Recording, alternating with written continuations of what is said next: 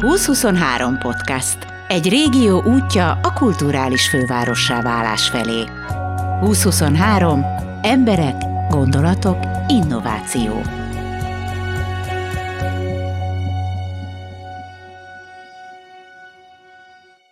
Szervusztok, kedves 2023-asok, én Gellért Gábor vagyok. A podcast mai adásában a Formákon túl projektről beszélgetek Szalai András építéssel, művészettörténésszel, a Kultus Nasz és Neociki című könyv szerzőjével. A Formákon túl a 60-as, 70-es években épült balatoni nyaralók érdekes formájú kerítéseit kutatja. A fő kérdés, amire Andrással közösen próbáltunk választ találni, amit ezek a nyaraló kerítések mutatnak az már népművészet, vagy csak egy kedves kortünet, amelyet érdemes megőriznünk az utókor számára. Javaslom, hogy a podcast hallgatása közben menjetek fel a 2023 Podcast Facebook oldalára. Az erről szóló posztban ugyanis megmutatom azokat a kerítéseket, amelyeket András szakmai szemmel kielemez. Ha valaki ismeri Szalai András stílusát, az nem fogja túlzásnak tekinteni azt, hogy jó szórakozást kívánok ehhez a podcasthoz. Megnézted ezeket a kerítéseket?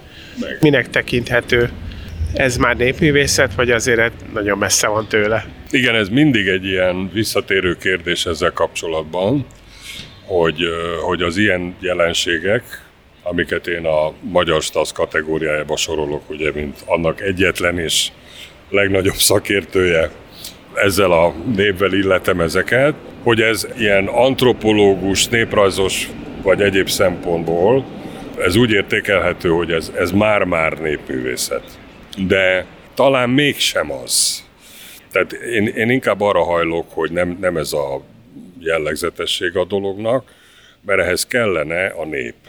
Most, most abban az értelemben, ahogy erről a néprajz vagy az antropológia szokott értekezni, és szerintem ez a fajta ilyen falu közösségekben, többé-kevésbé zárt kultúrában létező embercsoport, ez már megszűnt.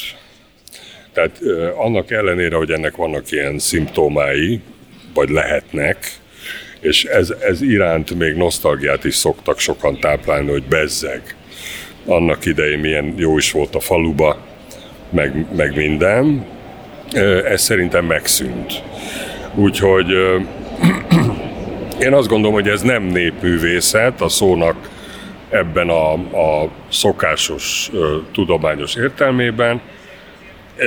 Én, én inkább hajlanék arra, hogy a snasszal azonosítsam ezt a dolgot, amiben rengeteg, rengeteg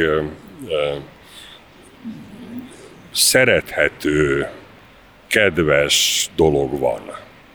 És hát főleg ezek a balatoni nyaraló kerítések, mert itt ugye erre vonatkozott ez a, ez a néprajzos intenciókkal való gyűjtés. Hát ezek a balatoni kerítések, ezek ennek a mondjuk így, hogy jelenség együttesnek ilyen kitüntetett, eminens csoportját képezik. Szóval ezek tényleg, tényleg nagyon jók.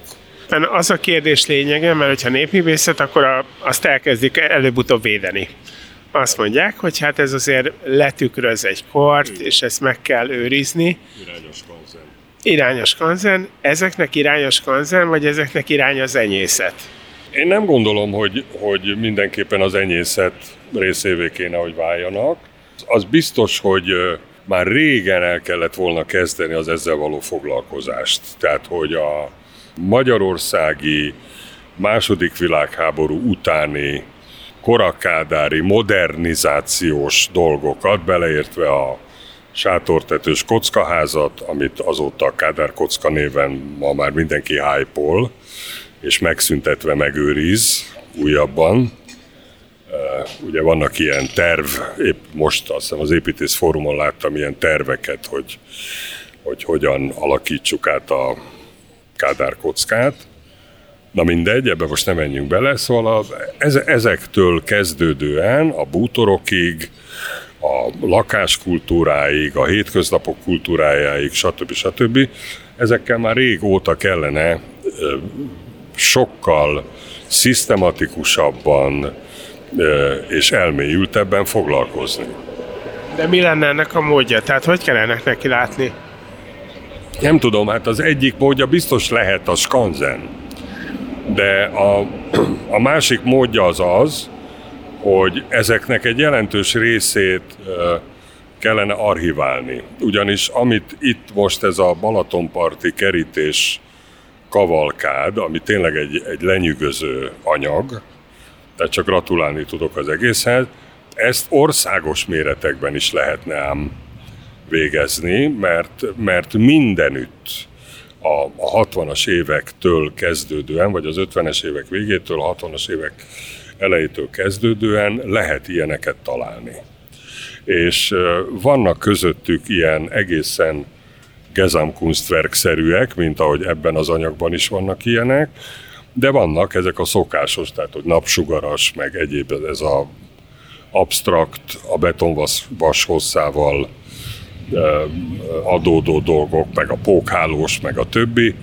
Úgyhogy ezekből csodákat lehetett volna már eddig is gyűjteni, mint ahogyan ugye ezt a bizonyos Kádár kocka dolgot is, végül is aztán egy német képzőművész hölgy rakta össze, ő kifejezetten esztétikai szempontból, hogy milyen izgalmasak ezek az absztrakt vakolat felületek ugye a homlokzatokon, és aztán ezek nem csak a sátortetős kockázakon jelentek meg, hanem a, a régi vagy hagyományos házak homlokzatán is, amikor mondjuk tüzépablakot tettek a régi kis két ablak helyére, akkor fölújították a homlokzatot is ilyen módon, hogy, hogy ők is aztán ilyen szép dörzsölt, sgraffitó-szerű vakolatokkal látták el a homlokzatokat.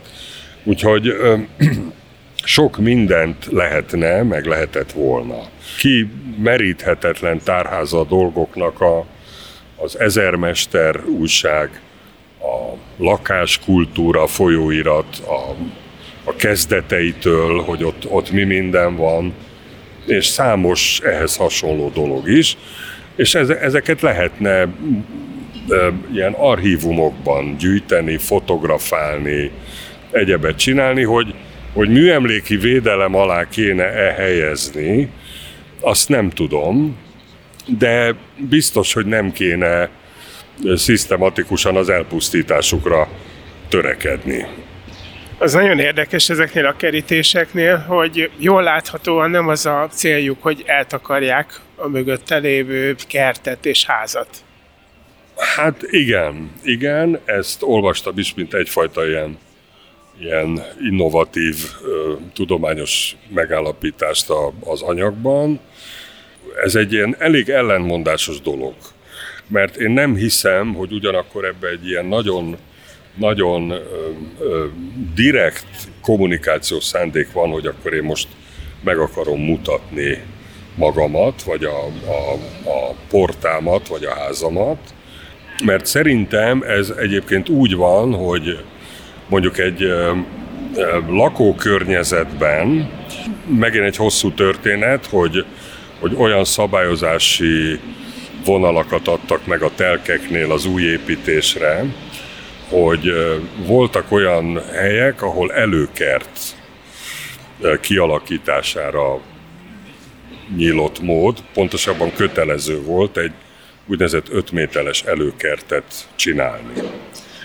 Na mindegy, ha már belementem, akkor kicsit elmondom.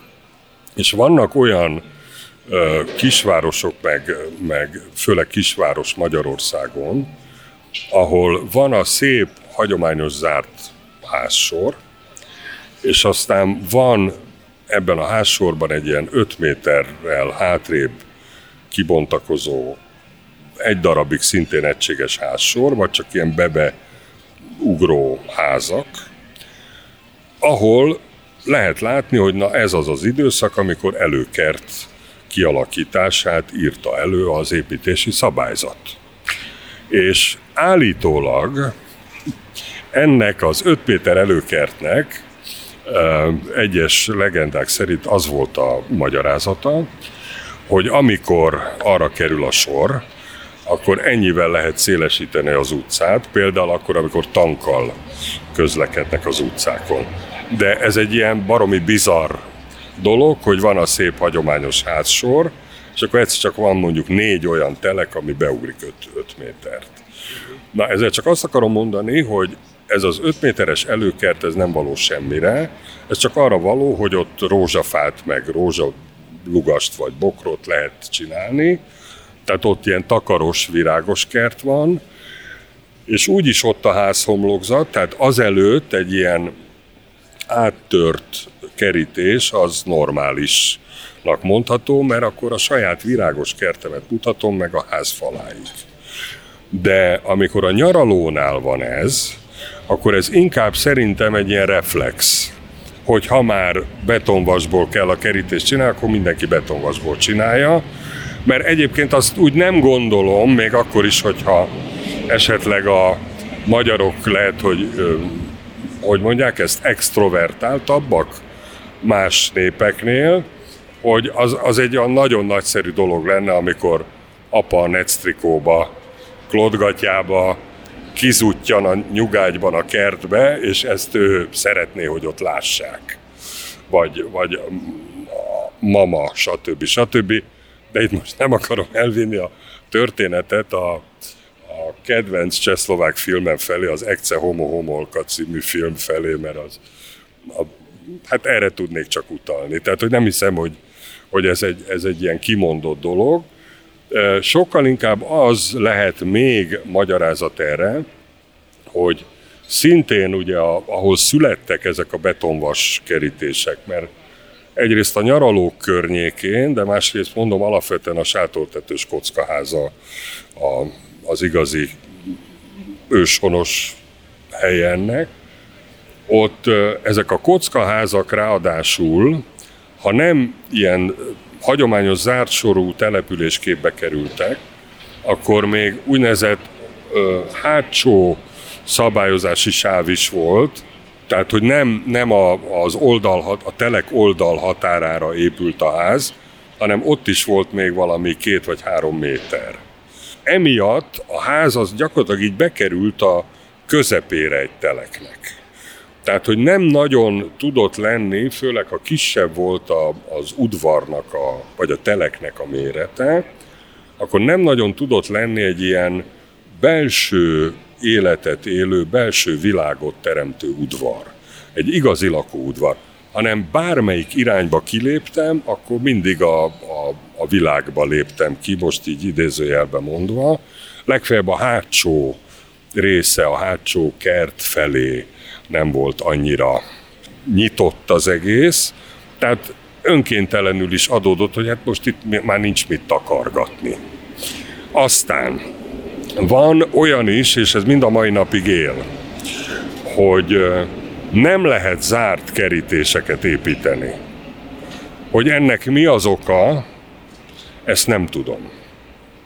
Tehát, hogy, hogy meg kell törni az utcai, utcai kerítéseknél, oszlopok közötti kitöltéssel, hogy az most teli deszkázás vagy nem, most már ez nem előírás, de hogy zárt, falazott kerítés nem lehet, ez egy előírás. Volt legalábbis az utóbbi időkig. Hogy most mi van, nem tudom. A másik, hogy 2 méter 10-nél magasabb sem lehet a kerítés, sőt még alacsonyabb. Tehát, hogyha mondjuk egy ilyen magasabb Ilonka néni végmegy az utcán, akkor úgy be tudjon kukkantani, vagy nem tudom. Tehát voltak ilyen szabályok is, amik egy kicsit mintha ha ebbe az irányba lökték volna az egészet. Ezzel a hosszú mondokával csak azt akartam kifejezésre juttatni, hogy én ebben nem vagyok annyira biztos, hogy ez a kitárom magam a külvilágnak feeling volt itt a lényeg. Ez szerintem sokkal kevésbé volt ilyen tudatos dolog, hanem reflexből, meg a körülmények hatására így alakultak a dolgok ilyen válogatást néztél ezekből a kerítésekből. Egyáltalán van-e köztük olyan, aminél már megkockáztatod, mint hogyha lenne némi művészi értéke? Vagy azért ezt így nem mondanád? Hát mindegyik nagyon izgi, hogy ezzel a közkeletű szóval éljek. Szóval tényleg lenyűgöző egyik-másik. Ugye itt van például egy ilyen, ahol a lábazatban van napsugár, felhő, hullám és vitorláshajó, a tömör lábazatban gyakorlatilag ilyen fémdombor mű. Hát a 60-as években egyébként a, a különböző intézményekben, például szállodákban volt egy ilyen kötelező egy százalék, hogy azt úgynevezett társművészet számára kellett föntartani, tehát mondjuk a szott üdülő előcsarnokába vagy az éttermében valamely iparművész egy mozaikot, egy freskót, egy pannót, vagy egy domborműt, ugye oda rittyenthetett, és az, az, nem feltétlen, néha ilyen hangulatokat is, úgyhogy például ez abba a stílusba illik, ezzel a, ezzel a domborművel, és hát a forma világa az arra nagyon hajaz, hogy úgy mondjam. Azért ettől én ezt még nem feltétlenül érzem egy ilyen Michelangelo és egyéb standardek szerint értékelhető műalkotásnak, de kétségtelenül figyelemre méltó, főleg amiatt, ugye, hogy a lábazatban ilyen bátor az alkotó, mert utána ilyen teljesen nyugodt, pálcikás szerkezete van a kerítésnek, ugye, és itt hát kockáztatja, hogyha nem kasszálják a területet, vagy nincs fűnyírás, akkor rejtve marad a művészet. lábazati művészet. Igen. Aztán vannak ilyen a korabeli rajzfilmek, grafikák hangulatát idéző dolgok is.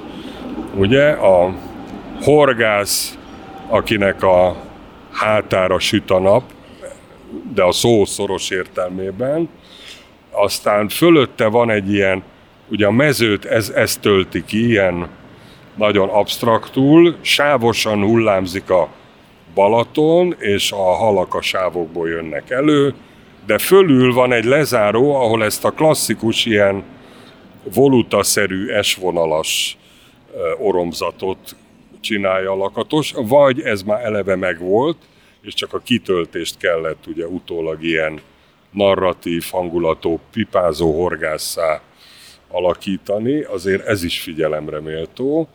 Hát ez a hal vitorlás, ez mondjuk klasszikusnak mondható, mondjuk enélkül is szép a kerítés, de így még szebb. Na most ez, ez egy különleges darab, ez a sűrű, már-már ilyen textília-szerűség, ez a préselt hulladék lemez maradéka. Ugye ez a honnan van szereztem, ezt úgy is kidobták volna, elvitték volna még be, újra beolvasztják, csak ott hevert, hazavittem és csináltam belőle ö, kerítést, némi kiegészítéssel esetleg. Ez, ez is nagyon szép, tehát hibátlan. Ez megint, megint önkifejezés a javából.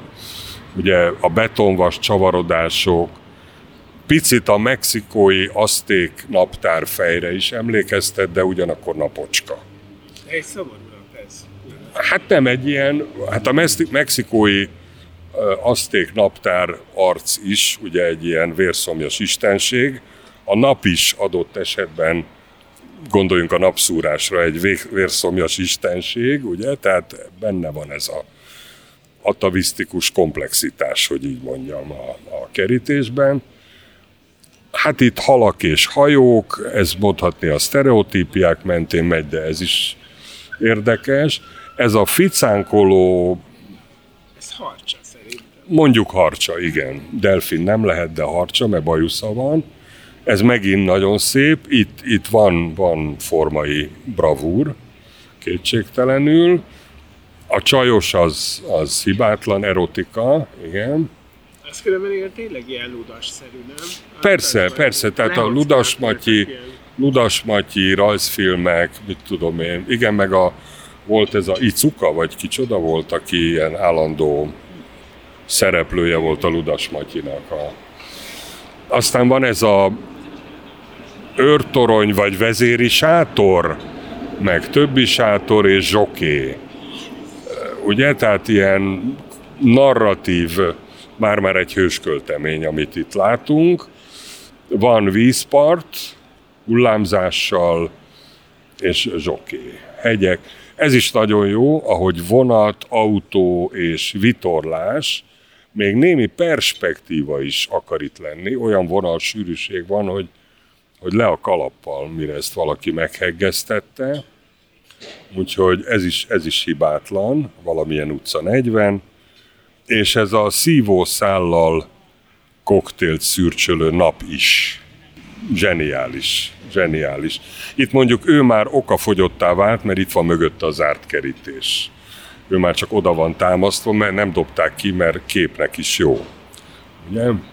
Nem is beszélve arról, hogy ebbe az időben voltak ezek a ugyanígy drótból hajlítva heggeztett képek, amiket falra lehetett tenni.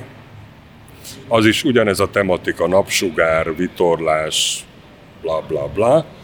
És aztán ennek volt egy műanyag változata, amikor műanyagból préseltek olyan vonalrajzos figurákat, Foxy Maxit és Kandur Bandit főleg. Nekem Foxy Maxim volt otthon gyerekkoromban az ágyam melletti falon, hogy mindig szem előtt legyen, ami olyan hatást keltett, hogy mint hogyha drótból lenne, de műanyagból volt. És ezt vásárokon lehetett kapni.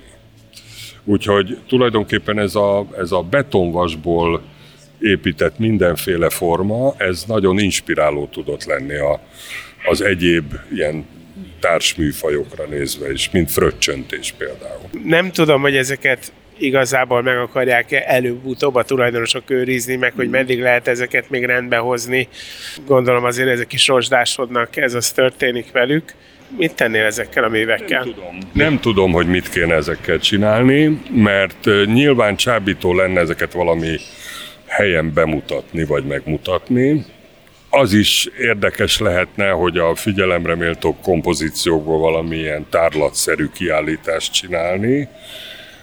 Én azt el tudom képzelni, hogy ha, ha van ilyen szándék, ugye, hogy ennek a korszaknak egy ilyen skanzenszerű vagy néprajzi búzamszerű bemutatása nyaralással, az egyebekkel, akkor ebbe ezek akár helyet is kapjanak de ilyen intézmény egyelőre nincs.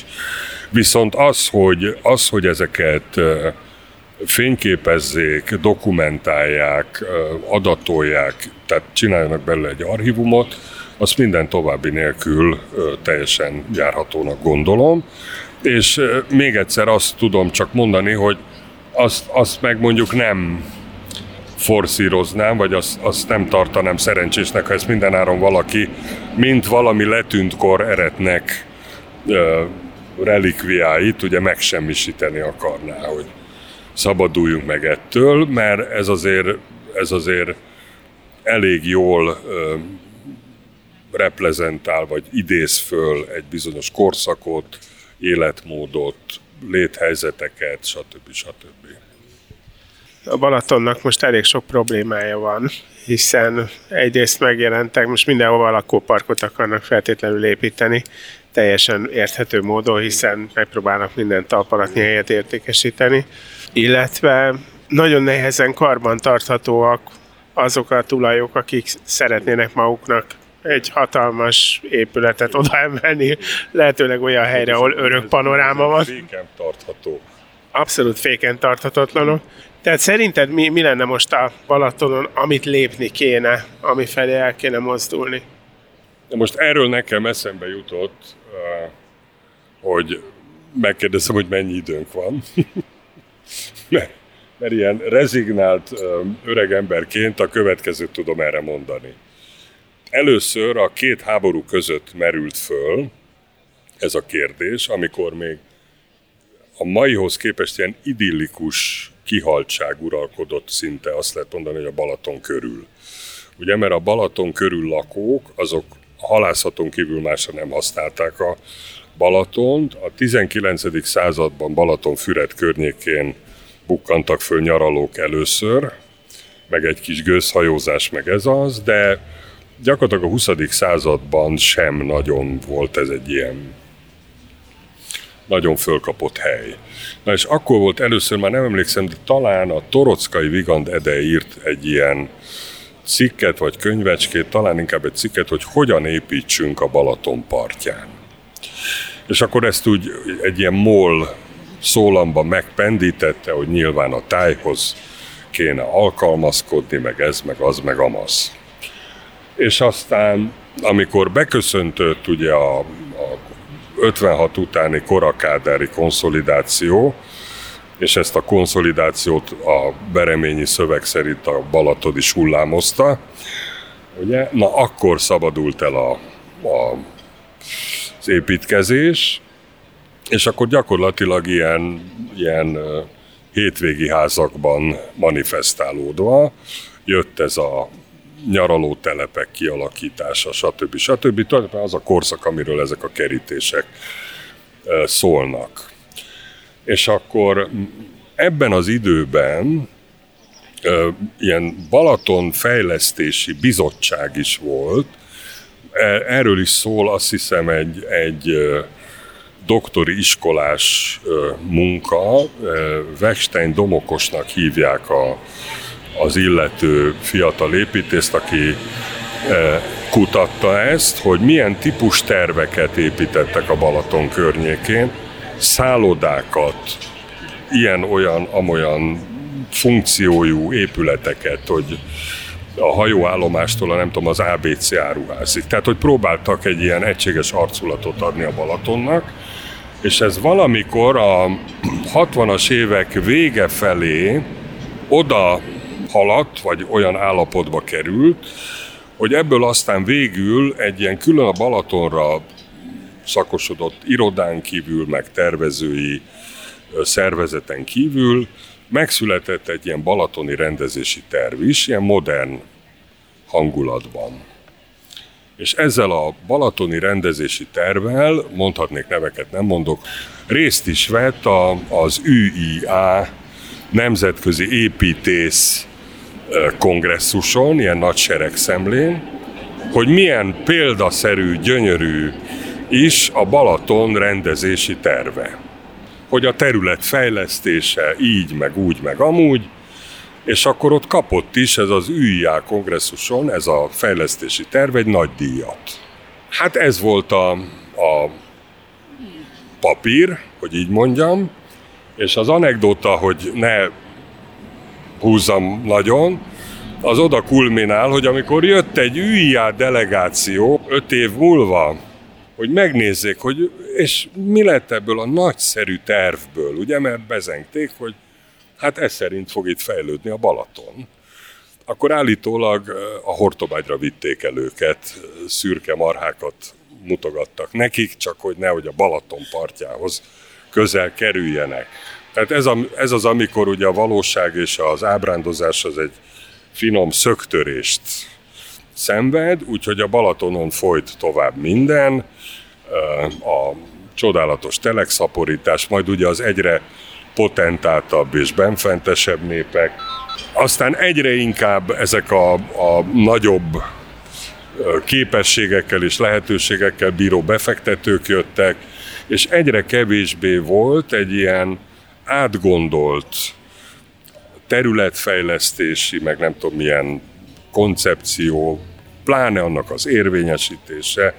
Ugye aztán lett ilyen, hogy Balatoni Intézőbizottság. Hát az, a, a Balatoni Intézőbizottság az már olyan, hogy úgy a neve is mutatja, hogy szerintem annak már csak ilyen mi lenne gyerekek, ha ezt csinálnánk, mi lenne, ha azt csinálnánk, és akkor nyugodtan lehet azt válaszolni, hogy a frászt fogjuk ezt csinálni. Bármit is lehet csinálni? Ugye lehet, lehet ilyen bázisdemokratikus környezetvédőként a robogó vonat elé feküdni, ez az egyik. Amit lehet, a másik meg az volna, hogy, hogy végre, mondjuk a politika szintjén bárki belássa, hogy, hogy ezeket a dolgokat rendezni, szisztematikussá tenni, szabályozni és kontrollálni, az nem volna egy rossz dolog. És hát akkor itt kiderül, hogy mennyire divatja és öreg vagyok, és mindezt valami diskurzus. Tehát a beszéljük meg keretében. Az a vicces, hogy ezen már nevetsz. Igen, igen, igen. Tehát itt, itt már gyakorlatilag egy ilyen könnyed bőrlesz irányába megyünk. Tehát, hogy mi lenne, ha ezt megbeszélnénk? Hát nem. Ugye, tehát tehát igazából nem tudom, hogy mit lehet csinálni. Mert egyébként meg azért voltak, meg vannak szép megoldások, meg kezdeményezések, de Ez inkább mondjuk a Balaton felvidékre vonatkozik, ugye, hogy ott vannak helye, falvak, ahol, ahol úgy, úgy inkább a régi épületek felújítása az, ami szem előtt van, mintha inkább a vízparton zajlan ez a tülekedés, ugye, hogy ott mindenkinek közel legyen valami a vízparton. De hát nem, nem tudom. Ez volt a 2023 podcast adása, köszönjük, hogy velünk tartottatok. Ha tetszett, kérjük hallgassátok meg heti 2023 mini adásunkat is, amelyben 10-15 percben beszélünk remélhetőleg közérdeklődésre számot tartó témákról. Megköszönjük, a követitek Facebook és Instagram oldalunkat, valamint a Veszprém Balaton 2023.hu című weboldalunkat is. Gerét Gábort hallottátok.